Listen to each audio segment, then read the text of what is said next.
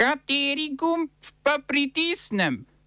Tisti, na katerem piše OF.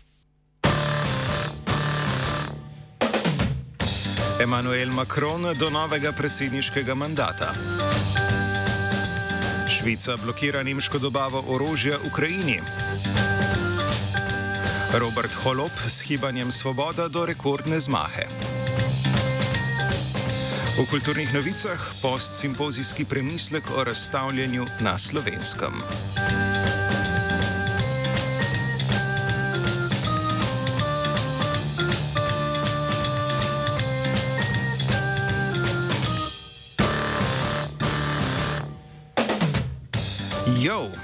Spopadi med arabci in nearabci v sudanski regiji Darfur so se v zadnjem tednu zaustrili.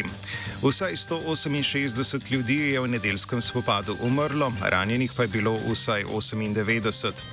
Do zaustritve je prišlo šest mesecev po vojaškem državnem udaru, v katerem so z oblasti odstranili prehodno vlado, ki je vodila demokratično tranzicijo po pacu dolgoletnega režima Omarja al-Bashirja. Vojna na območju Darfurja sicer traja že od leta 2003, ko sta sudansko osvoboditveno gibanje ter gibanje za pravico in enakost začela spopadi sudansko vlado, ki zatira darfursko nearabsko prebivalstvo.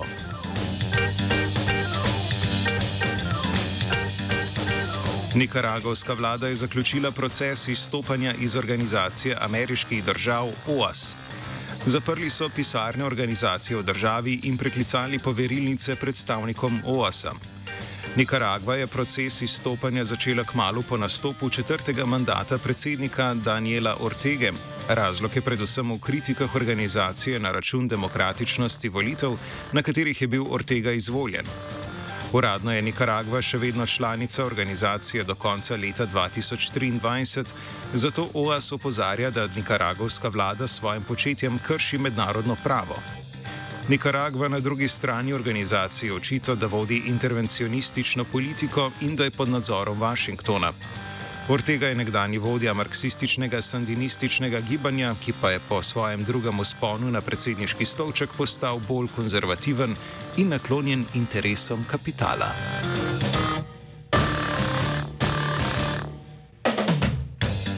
Turčija je prejšnji teden začela z ofenzivo na severni Irak, imenovano Operacija Krempljev prijem. Ofenziva, ki poteka tako na tleh kot v zraku, je usmerjena proti kurdskim milicam in kurdski delovski stranki, ki so jih v Turčiji označili za teroristične organizacije. V zračni napad so vključeni vojaška letala, helikopteri in brezpilotni letalniki. Po besedah turškega notranjega ministra Sulejmana Sojluja je namen operacije rešiti Sirijo in Irak iz rok ZDA in Evrope ter državama prinesti mir. Zgodovina turško-iranskih odnosov je sicer burna in turbulentna. Zadnjo podobno vojaško operacijo je Turčija izvedla februarja letos, zadnjo večjo operacijo pa leta 2019.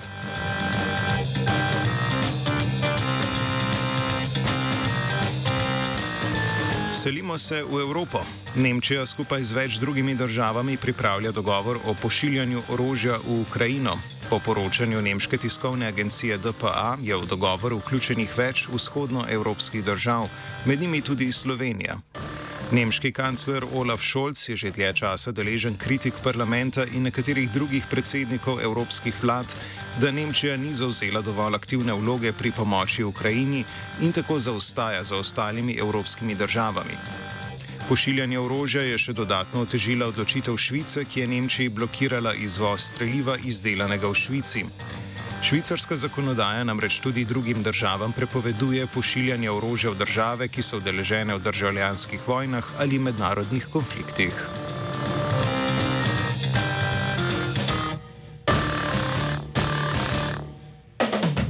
Francozi so na mesto predsednika države ponovno izvolili trenutnega predsednika Emmanuela Macrona. Z nekaj manj kot 60 odstotno podporo je v drugem krogu francoskih predsedniških volitev premagal predsednico skrajno desne stranke Nacionalna fronta Marine Le Pen. Enak dvoboj se je že odvil pred petimi leti, tudi takrat v korist Macrona, a z nekoliko večjo razliko v rezultatu kot včeraj. Volitev se je udeležilo 72 odstotkov volilnih upravičencev, kar je najnižja volilna udeležba v drugem krogu francoskih predsedniških volitev od leta 1969. Francijo junija čakajo še parlamentarne volitve. Več o francoskih predsedniških volitvah pa v offsajdu ob petih. Oba, če bom odgovoril na angliški.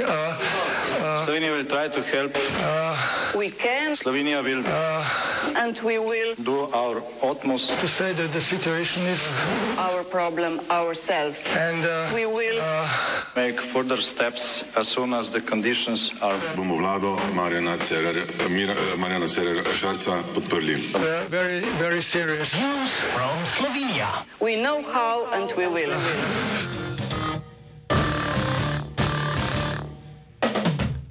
Volitve so včeraj potekale tudi v Sloveniji. Nekaj manj kot milijon sedemsto tisoč volilnih upravičencev je imelo možnost odločati o sestavi devetega sklica državnega zbora.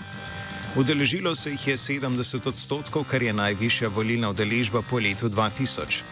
Z več kot 400 tisoč glasovi in 34,5 odstotka je slavilo Gibanje Svoboda, s čimer so prejeli zgodovinsko najvišje število poslancev v državnem zboru - 41. Predsednik stranke in najverjetnejši novi mandatar Robert Holop zmago vidi kot razlog za vse splošno veselje in hkrati kot odgovornost. Da danes ljudje plešejo, res kažem, ker zunaj plešejo in demo še tukaj noter. Ampak jutri se pa začne nov dan in jutri bomo začeli trdo delati, zato da upravičimo to zaupanje. Sledi SDS s 27 poslanci, Nova Slovenija z 8, SD s 7 in Levica s 5 poslanskimi mandati. Koordinator Levice Luka Mesec je prevzel odgovornost za slab rezultat in že včeraj zvečer ponudil svoj odstop svetu stranke. Zdaj, kar se nas tiče, um, pač naš rezultat je pričakovani um, in slab, kar kažejo usporedne uh, volitve.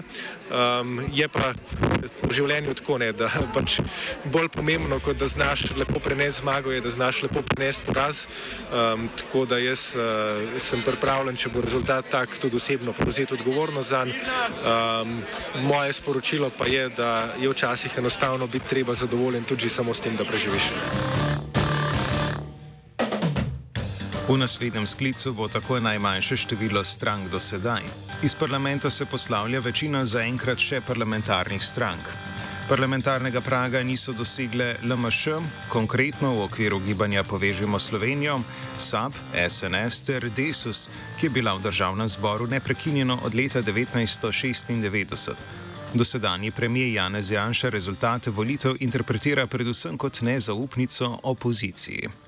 Ne, te volitve jemljem predvsem kot naveličanost državljanov z dosedanjo opozicijo, saj so jo praktično pometli iz parlamenta. Uh, Slovenska demokratska stranka na teh volitvah ni nastopala s taktiko lijaka, da bi srkala vse glasove, ki so tako ali drugače bili naklonjeni uh, vladni koaliciji. Nastopili smo kot tim in uh, kljub temu povečali število mandatov iz prejšnjega oziroma iz dosedanjega mandata. Rezultatom volitev bodo v prihodnjih dneh prišteli še glasovnice, ki bodo prispele po pošti, zato se lahko tako kot volilna udeležba še nekoliko spremenijo. Nova sestava državnega zbora se bo predvidoma prvič sestala 13. maja.